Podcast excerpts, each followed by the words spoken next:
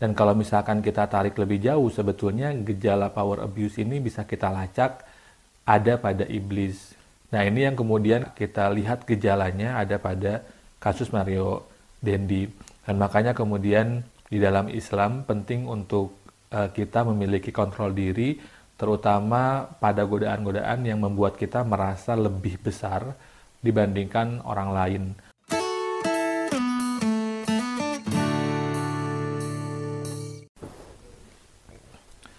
Assalamualaikum warahmatullahi wabarakatuh.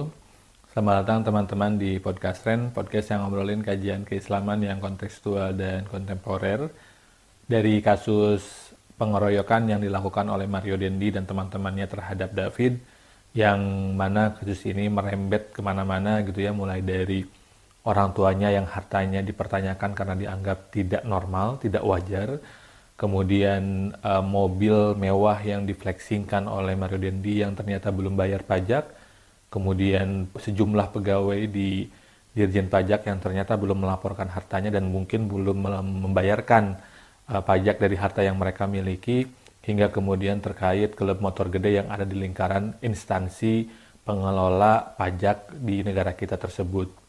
Dari kasus yang kompleks dan berjalin kelenden ke mana-mana ini sebetulnya kita bisa belajar terkait satu nilai utama di dalam Islam mengenai kontrol diri.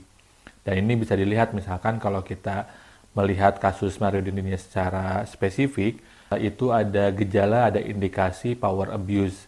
Mario Dendi merasa powerful, entah karena kondisi ekonomi yang baik, yang berlimpah, entah karena status sosial orang tuanya sebagai pejabat yang mungkin membuat dia merasa bahwa kalaupun dia melakukan sesuatu yang jahat, yang salah, dia bisa relatif bebas dari hukuman yang semestinya karena dia punya kuasa yang mungkin dia pikir bisa membeli hukuman yang seharusnya dia terima secara normatif dan secara legal gitu. Sehingga dia berani melakukan itu dan dia berani melakukan pengeroyokan dan berselebrasi atas kejahatan yang dia lakukan.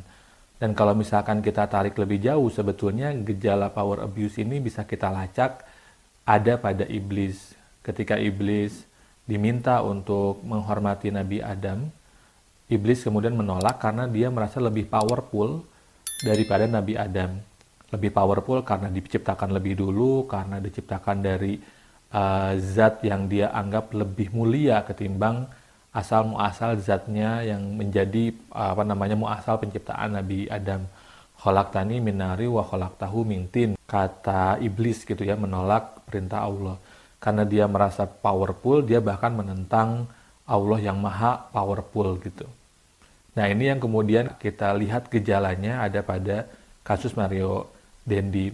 Dan makanya kemudian di dalam Islam penting untuk uh, kita memiliki kontrol diri terutama pada godaan-godaan yang membuat kita merasa lebih besar dibandingkan orang lain atau kita merasa takabur, merasa sombong, merasa lebih powerful hanya karena kita memiliki privilege yang mungkin juga privilege itu tidak berasal dari sesuatu yang sepenuhnya baik dan murni gitu.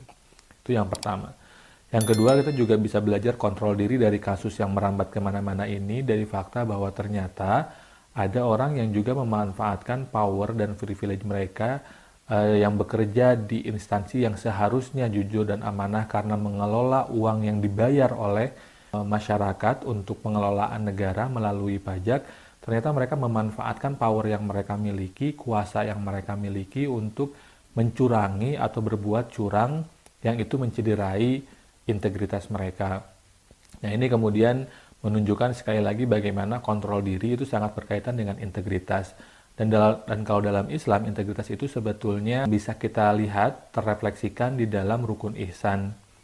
Antak budawullah ka anna kata rohu fa ilam takun tarahu fa innahu yaroka. Berbuatlah atau beribadahlah, menghambalah kepada Allah seolah-olah engkau melihatnya.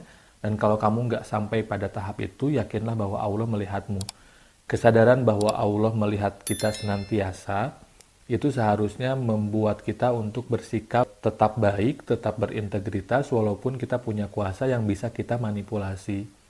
Nah, sehingga ini menjadi PR bersama kita nih, bahwa ternyata walaupun jumlah masyarakat kita banyak muslimnya, kemudian kita termasuk negara yang relatif sangat religius, paling religius gitu dibandingkan negara-negara lain, tapi ternyata religiusitas kita itu belum bisa kita implementasikan secara lebih istiqomah gitu di ranah-ranah yang sosial gitu. Sehingga ini menjadi PR dan uh, catatan kita uh, bersama karena yaitu tadi kontrol diri atau adalah nilai salah satu nilai utama di dalam keberislaman kita. Demikian, terima kasih. Wassalamualaikum warahmatullahi wabarakatuh.